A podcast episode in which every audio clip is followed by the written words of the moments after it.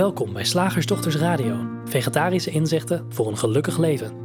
Linda Spaanbroek en Angela Mastwijk geven jullie een kijkje achter de toonbank van de menselijke ervaring. Hoe werkt het daar nu echt? We maken gehakt van ingewikkelde concepten en fileren met liefde ook jouw leven. Dat alles onder het motto: geluk mag het een onsje meer zijn. Welkom luisteraars, ik ben Linda. En ik heet Angela. En wij willen het vandaag eens even met je hebben over een onderwerp waar ontzettend veel door andere mensen over gepraat wordt. Dus we dachten, we doen gewoon een keertje mee. Ehm, werkgeluk, vitaliteit, en nou eigenlijk werkgeluk en vitaliteit op de werkvloer.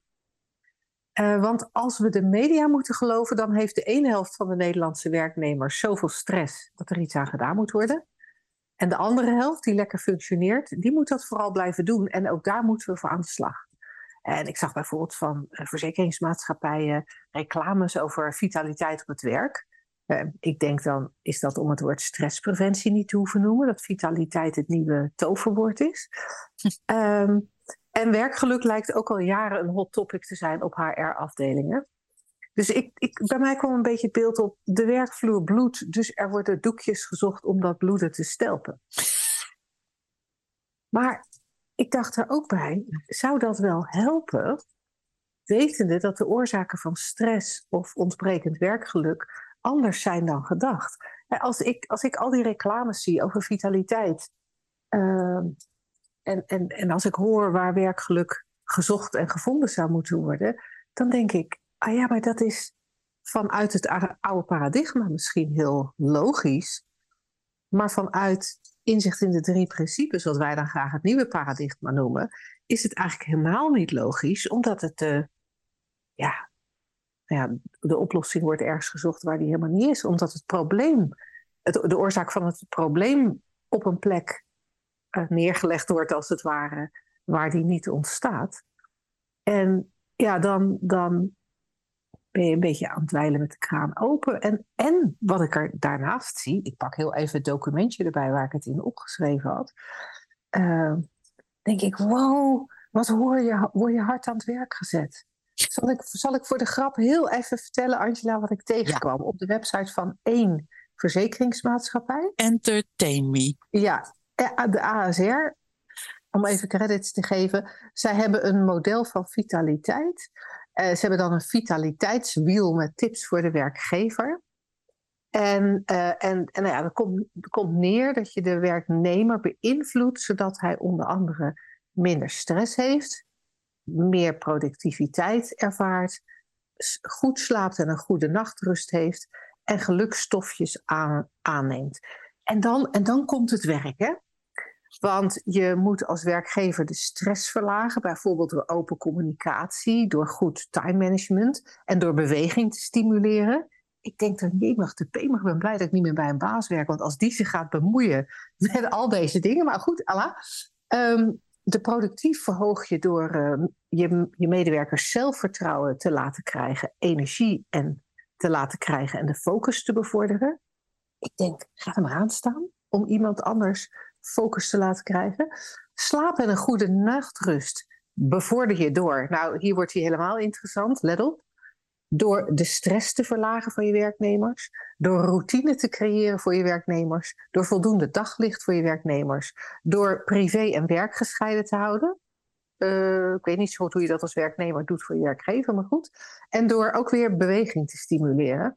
En dan komt er nog een heel verhaal over gelukjes, gelukstofjes die je moet stimuleren door vitamine D tot je te nemen, meer sociaal contact en goed doen. Dus je moet je medewerkers laten stimuleren om bijvoorbeeld sponsoracties te organiseren. En, en die laatste die vond ik ook zo fascinerend, want ik dacht, dan ga je een sponsoractie organiseren, dan heb je heel tijdelijk kleine impulsjes van gelukstofjes, omdat het uh, nou ja, omdat je iets doet wat dan blijkbaar zorgt voor gelukstofjes. Of het waar is, weet ik niet, maar laten we dat even geloven. Maar dat, dan heb je even impulsjes. Maar wat doe je dan de rest van de tijd? Moet je dan continu sponsoracties blijven organiseren zodat je niet aan je werk toe komt? Ik, ik vond hem raar. Het is, allemaal, het is allemaal zo conceptueel en een soort. Ik denk wel eens, kijk van, van zichzelf oh, zullen we de uh, werkne werknemers gelegenheid bieden om te sporten of zo? Ik zeg maar even wat. Nou, top idee, klaar. Ja. Regel je dat. Maar het wordt allemaal zo conceptueel. En wat je vaak ziet is dat paard uh, achter de wagen wordt uh, gespannen met plannen, plannen, vergaderen, uh, bouwstenen, weet ik veel. En dan hebben we, ja, dan gaan we die werknemers, weet ik veel, van alles aansmeren. En wat er in mij opkwam is toen je aan het kletsen was, nou, en wat heb je dan? Een, een troep goed getrainde aapjes? Ja, die braaf, was, die braaf sport en braaf uh, uh, sponsoracties doet. En het gaat allemaal eigenlijk over. Het is een soort gedragstherapie, lijkt het wel. Ja, en dat, en dat vond ik schokkend. Want ik heb nu een klein stukje samengevat. Ik had een klein stukje samengevat, omdat ik het graag met jou wilde delen. En, en ook als een soort nou ja, zeg maar uitgangspunt voor, voor deze radioshow. Dat, dat mensen ook een beetje weten waar we, waar we ons op baseren of waar ons vandaan, verhaal vandaan komt. Maar toen ik doorklikte, en dat heb ik verder allemaal niet samengevat, zou ik een te lang verhaal worden. Maar als ik doorklikte op al die dingen die ASR aangaf, dan kwamen er steeds meer gedetailleerde regels. En als ik jou dan hoor zeggen getrainde aapjes, denk ik, nou daar komt het dan wel op neer. Want werknemers moeten dan zoveel dingetjes doen, kleine en grote dingetjes, moeten zich aan zoveel regeltjes houden. Maar ik heb ooit, ik, ik ooit jaren terug uh, ben ik ooit begonnen met een promotieonderzoek. En niet afgemaakt overigens, maar dat ging over motivatie en welzijn. En, en daar was, ik, ik baseerde me toen op een wetenschappelijke theorie die de Self-Determination Theory heet. En of die theorie waar is of niet, hè, toen, toen zag die er voor mij heel plausibel uit. Maar een van de belangrijke dingen daarin was autonomie. En als je zoveel regels over je heen krijgt, waar blijft je autonomie? Als werknemer. Maar goed, dat is even mijn oude stokpaardje. Ja, maar je, ik, ik, was gisteravond op een netwerkbijeenkomst voor eetstoornissen en behandelingen. En dan zie je ook, er zitten op zich een aantal mensen met, met best nuttige uh, dingen en ideeën en inzichten. Maar alles verzandt in, in protocollen, regels. En vooral, ja, eerst onderzoek, eerst onderzoek. Ja, eerst even een, een, een, uh, een netwerk bouwen. Eerst even uh, bouwstenen regelen. Eerst even. Dan denk ik, nou, ondertussen vallen ze gewoon al bij bosjes om, die kinderen. Wat? En dan denk ik met, met dit, dit soort dingen ook. Het begint met, met een best leuk inzicht zou misschien fijn zijn als we uh, nou, kunnen gaan sporten of zo. Of, uh, ja, geef, mensen, geef mensen de, bied mensen de gelegenheid ergens toe en die grijpen ze dan of niet. Klaar. Ja.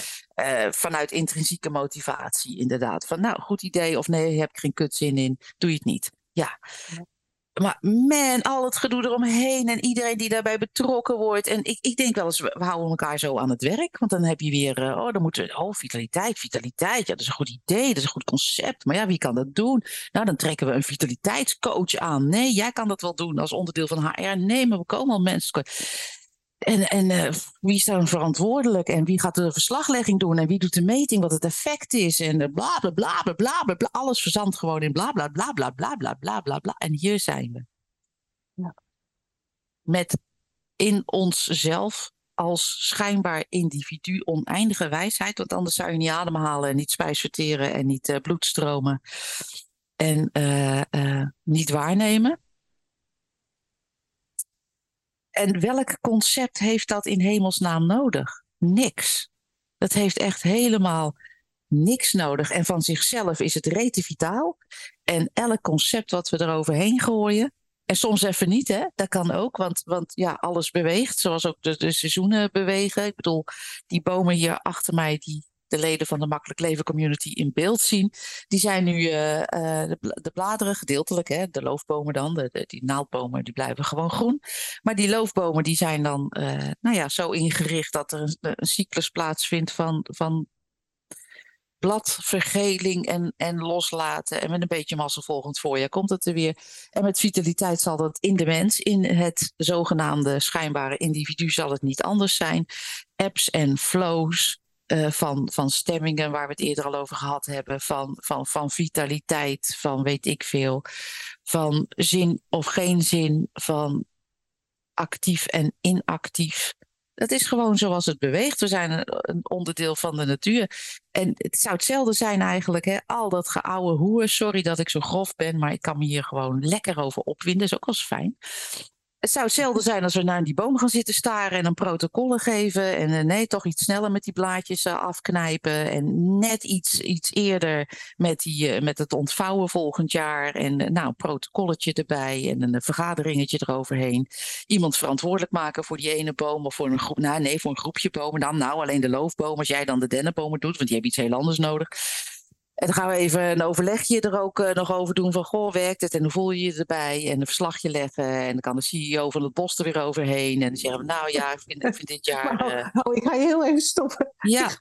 dit wordt echt te erg. nee, maar zo, zo werkt het dus kennelijk in bedrijven. Nou ja, zo, zo, zo werkt het kennelijk. En, en, en mij lijkt het zo cool om, om samen met onze, onze luisteraars te kijken van, goh, dat, dat, wat het misverstand is wat eronder ligt. Ja. En um, voordat, wij, voordat wij een hele radioshow maken als de tegenpartij. Want dat is natuurlijk heel, heel eenvoudig om enorm tegen te zijn. Is ook wel eens lekker, joh. Maar het misverstand wat er aan de ten grondslag ligt. Gewoon terug naar de eenvoud. Terug naar de eenvoud. En, en, en, dan, en dan kunnen we terug naar een eenvoud die losstaat van werk of, of wat dan ook. Een eenvoud die die geldt voor elke menselijke ervaring. We leven en we beleven in elk moment het denken.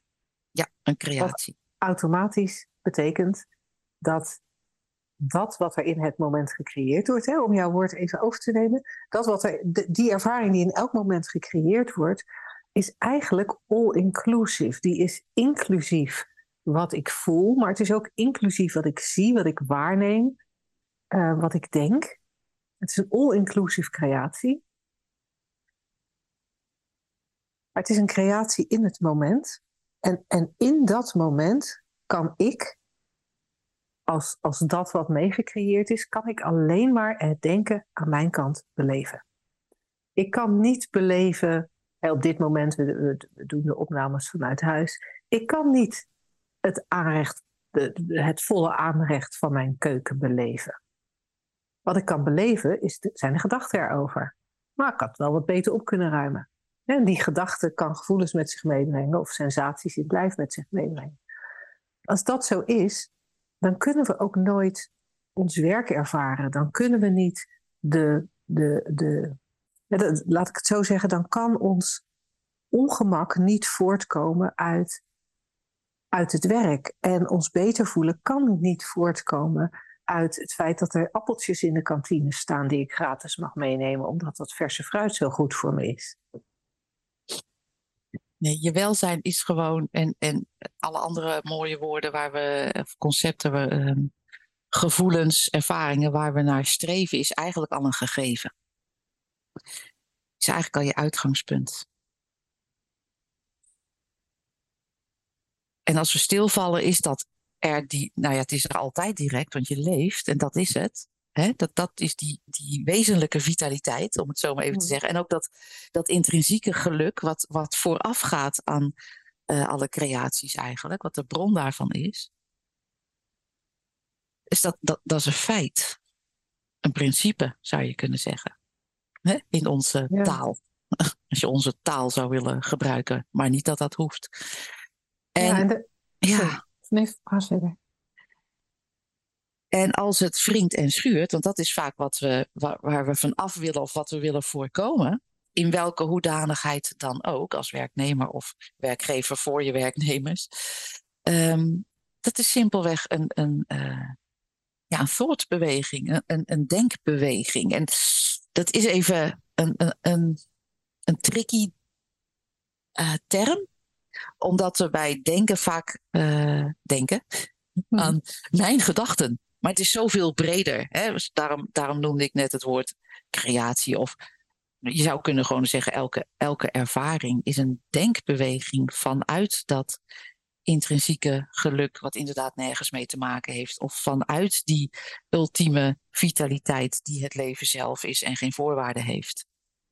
En als je dat realiseert, dan wordt er zoveel vanzelf al overbodig. En ja, wordt er bewogen. Ja, ja en, en als, je, als jij het hebt over dan wordt er bewogen. Voor mij ziet het eruit alsof veel.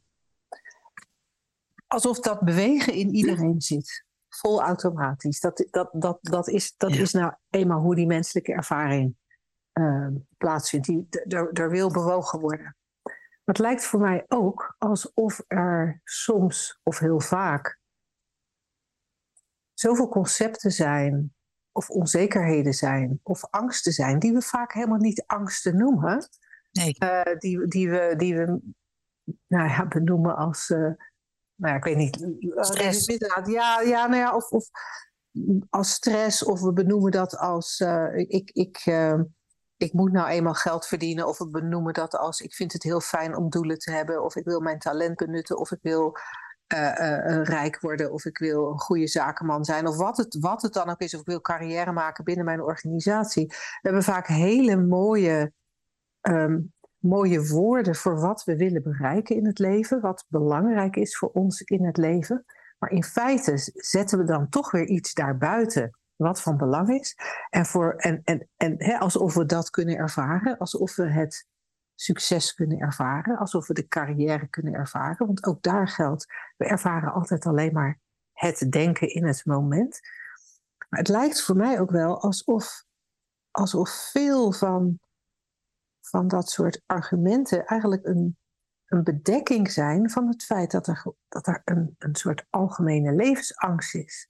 De angst om niet goed genoeg te zijn, de angst om alleen te komen te staan, een, een onveilig gevoel als er niet voldoende geld is, een onveilig gevoel als er, er niet genoeg complimenten op ons afgestuurd worden door leidinggevenden of collega's. het kan van alle kanten komen, maar het lijkt wel alsof, we, alsof, we daar, alsof daar heel vaak niet naar gekeken wordt of dat men, we, niet durven te kijken daarnaar. Ja, ja. wat een soort universele oorzaak is. Hè? Want we zoeken het vaak naar persoonlijk. Ja, maar ik heb daar nu eenmaal behoefte aan. Of, of hij vindt het heel belangrijk dat. Uh, en wij kijken liever naar, naar universele uh, werking van elke menselijke ervaring. En ook universele misverstanden. Van ja, dat, dat je je beter zult voelen. Of, of dat, dat door, een, door een compliment of uh, een appel. Ja, en dat, dat is gewoon niet zo. Nee, en, en, en dat is wat ik bij die intro een beetje bedoelde met doekjes voor het bloeden. Ja, je, probeert, je, je, je probeert een bloeding te stelpen die, die helemaal niet ontstaat door wat je denkt, waar je denkt dat die door ontstaat.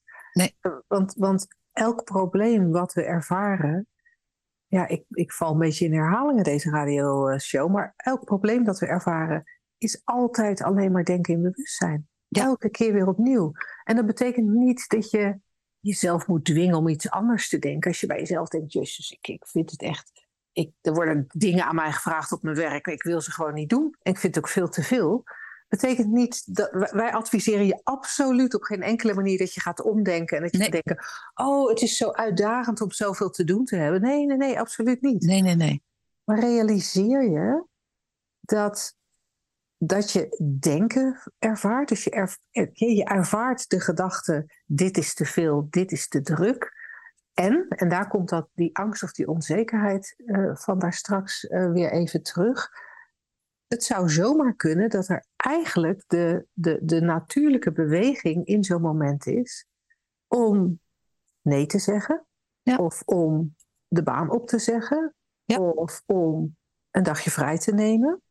En vaak al die vrij logische responsen. Gezond verstand, hè? Gezond verstand, die durven we vaak niet te uiten. En daar komt wat mij betreft die angst en onzekerheid. Want dan komt er een shitload aan gedachten op. Ja, maar als ik dat doe, dan word ik ontslagen. Of dan ben ik geen goede collega. Of de, de, de, de, wat je denkt, weet ik niet precies. Ja. Maar zoveel, zoveel denken wat, wat in feite die natuurlijke... Uh, wat geloofd wordt en doordat het geloofd wordt, ja, stopt het, lijkt het, lijkt het de, de, de natuurlijke flow te stoppen. Ik vind het mooi dat je zegt lijkt. Want in wezen is het natuurlijk niet zo.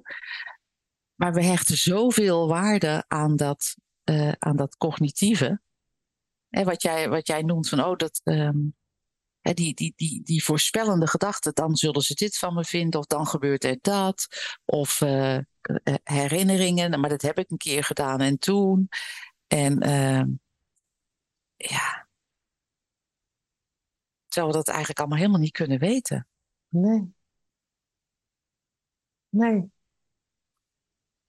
Ik ben benieuwd wat, uh, wat je als luisteraar hierin hoort. Ja. Ik kan me, en ik kan me voorstellen dat, dat deze uitzending misschien wel meer vragen heeft opgeroepen dan antwoord heeft gegeven. nou, we ontvangen je vragen, zoals je weet, heel graag via vragen.slagersdochters.nl. Uh, maar je bent natuurlijk ook van harte welkom om uh, een keertje bijvoorbeeld naar een shiftdag te komen bij ons in ons huiskamerkantoortje.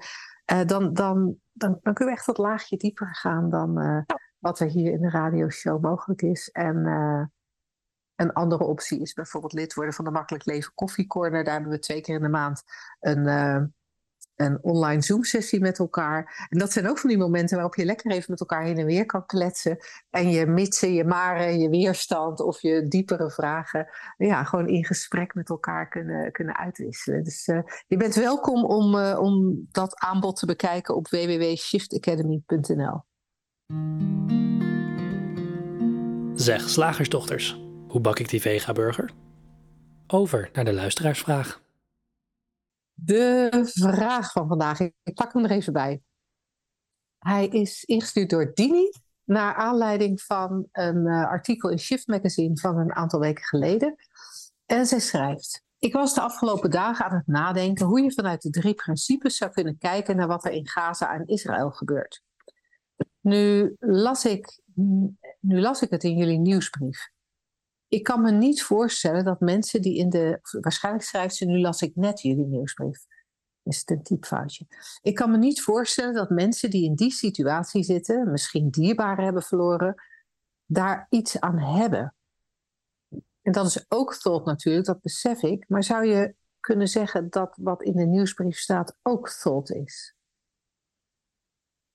Kan jij je nog herinneren, Angela, wat, wat, wat, wat we in de nieuwsbrief geschreven hebben over de oorlog? Ik heb, ik heb geen idee, maar dat, dat, dat is misschien een, uh, het, het, artikel wat uh, bijgevoegd is, dat dat een blog uh, is geweest. Ja, het zou ongetwijfeld een blog geweest zijn. Ja. En, um... en inderdaad, ik vind het heel mooi dat je opmerkt van wat er in de nieuwsbrief staat, is ook thought. Ja, alles, alles is thought. Want alles wat we kunnen benoemen en alles wat we meemaken en alles wat vorm aangenomen heeft, elke creatie is thought. He, dus dat is inderdaad prachtig opgemerkt. Dus willen wij uh, richting de waarheid, zullen we ons mond moeten houden. Ja. ja. En, en alle gedachten, gevoelens, uh, ervaringen die dan door dit aardepakje heen gaan, zien voor wat ze zijn. Hè, dat, dat zijn de bewegingen van thought. Mm-hmm. Je zou het ook, denk, energie kunnen noemen. Hè? Want het is niet specifiek alleen maar je gedachten. Hè? Nee, het is de hele creatie. En elke keer weer, hè, ik heb er al, ik, ik denk al honderd blogs over geschreven. Het verschil tussen denken als principe. Wat de hele creatie is, de hele wereld. Inclusief wij zelf. Inclusief alle ervaringen. En gedachten. Mensen halen het continu door elkaar. En dat geeft niet, wij ook. Maar het is een wezenlijk verschil. Als je tegen iemand die, um, laten we even zeggen, uh, van wie net een aantal familieleden zijn vermoord, zou zeggen dat is maar een gedachte, dat, is uh, ultiem vreed. Als gerealiseerd wordt. En dat is op zo'n moment waarschijnlijk niet de plek om daarover te gaan praten. Want dan is het waarschijnlijk tijd voor een, een knuffel of een kopje thee of huilen. Hè, wat er dan ook gebeurt, dat maakt niet uit. Um, maar als je daar in een uh, andere setting over wilt praten. En in die zin heeft dus iedereen hier wat aan. Maakt niet uit wat je zogenaamde omstandigheden zijn. Um, dan ga je praten echt over, over hoe wezenlijk uh, de wereld in elkaar steekt en jij dus ook. Wat, welke principes er vooraf gaan aan elke creatie. En, en ja, daar kan je als mens inzichten in verwerven, ik, lastig woord. Uh, je kan daar inzicht in krijgen, waardoor het stiller wordt van binnen. Of niet, maar dat, het, dat de bewegingen herkend worden als thought uh, uh, creaties. En in dit kader vind ik het heel leuk om even wat, wat, wat dingetjes te vertellen. Hè. Is ook allemaal thought. Dat, alles is thought. Dus mhm. daar kunnen we niet omheen. Uh, er is bijvoorbeeld een, een, een, een drie-principe-organisatie, ik meen uit Canada, als ik het goed heb, die op dit moment een groot project hebben lopen in, ik meen Oeganda, maar dat weet ik niet zeker, ergens een, vlucht, een heel groot vluchtelingenkamp in Afrika. Honderden mensen tegelijk worden daar nou ja, in aanraking gebracht met, met het, het die drie principes, die metafoor. En uh, daar komen prachtige, prachtige inzichten uit voor. Dan kan je zeggen, nou ja, heb je daar dan wat aan als je in zo'n vluchtelingenkamp zit, misschien met, met, met omstandigheden die wij vreselijk noemen? Ja, wel degelijk. Want je gaat omstandigheden eigenlijk heel anders ervaren. Ik, ik grijp ook even terug naar het boek van. Uh, um, hoe heet die man nou? Frank? Nee? Um, is dat niet Otto Frank? Otto nee. Frank of nee, zo? of Otto Frank? Frank. Nee, het, nou, ik weet naar welk A Man's Search for, for Meaning. Ja. Man's Search for Meaning. Dat is een, een, een verslag van een psycholoog of, of psychiater, een Joodse psycholoog of psychiater, die uh, terecht kwam in een, in een kamp. Zijn hele familie uh, werd, uh, werd vergast en, en hij werd gemarteld, zoals iedereen in dat, in, in dat kamp lichamelijk en, en, geestelijk zou je kunnen zeggen. Man's Search for Meaning heet het. En in die omstandigheid waarvan we allemaal, omstandigheid waarvan we allemaal zullen zeggen vreselijk en kon hij van binnenuit vinden waar wij het ook over hebben, die, nou, wat wij pure mind noemen, wat ook pure liefde is. En, en van daaruit kon hij het ja. En het, wat, het, wat het vorm kreeg via, via zijn ervaringsvoertuig, via, via deze man, was vergeving. En dat is een heel ander uitgangspunt natuurlijk dan misschien eeuwig uh, of de rest van je leven lijden of, wraak, wrok koesteren en wraakzuchtige gevoelens hebben. En die keuze tussen die twee is niet te maken als mens, want dan doe je het altijd verkeerd, want dan Oh, dan komt er weer een wraakzuchtig gevoel op en dan heb je weer, oh jee, ik zit aan de verkeerde kant, ik zou vergeving moeten voelen. Nee, wat ons betreft is als je, als je echt teruggaat naar de, naar de diepte, zouden wij zeggen, eh, de eenvoud van die drie principes, het feit dat iedereen uh, ervaart zoals die ervaring wordt gecreëerd aan de hand van, van die drie wetmatigheden, het feit dat er leven is, het feit dat er bewustzijn is, het feit dat er denken is, oftewel creatie is. Als je daar inzicht in, in krijgt, dan is dat eigenlijk een automatisch bijverschijnsel. Dat, dat er ja, dingen als vergeving of dingen als een nieuw begin, hè? een frisse, frisse start in elk moment. Of ja, wat zijn nog meer mooie leven in het nu zou je kunnen zeggen. Bijverschijnselen van inzicht in hoe het werkt. Niet opgelegde concepten. Dus ja, lieve vragenstelster, ik ben je naam even kwijt. Um, natuurlijk, het heeft altijd zin. Want het zal je ervaring totaal kunnen veranderen. En dan maakt het niet uit. Um, natuurlijk op menselijk vlak wel. Kijk, als we daar een keuze hebben, zeg je ja, oorlog of niet. Ja, nee, doe eens niet. Hou eens op met elkaar te bombarderen of te ontvoeren of te vermoorden of, uh, of te vergassen. Maar, maar je, je, ervaring is uniek van moment tot moment. En als je beseft hoe die tot stand komt, wordt het, ja, wat mij betreft, totaal anders. Omdat je uitgangspunt totaal anders is. Je bouwt niet voort op wat je denkt dat je ziet. Je realiseert dat je ziet wat je denkt. Nou, waar kwam dat ineens vandaan? Ik weet het niet, maar het was een hele mooie. Het was een, ik vond het een heel mooi antwoord op Dini's vraag. Ik geloof niet dat ik er iets aan toe te voegen heb. Het allemaal hierbij houden voor deze. Ik denk dat we een keer een wat kortere uitzending hebben. Ja, Niet sorry. Heel goed op de tijd gelet. Sorry Ellie, je tukje wordt 10 minuten korter vandaag. Ellie slaapt altijd met onze radioshow aan en ze slaapt graag 40 minuten. Eh, Dankjewel, Linda. jij ook. En eh, we spreken elkaar volgende week. Tot dan. Doeg!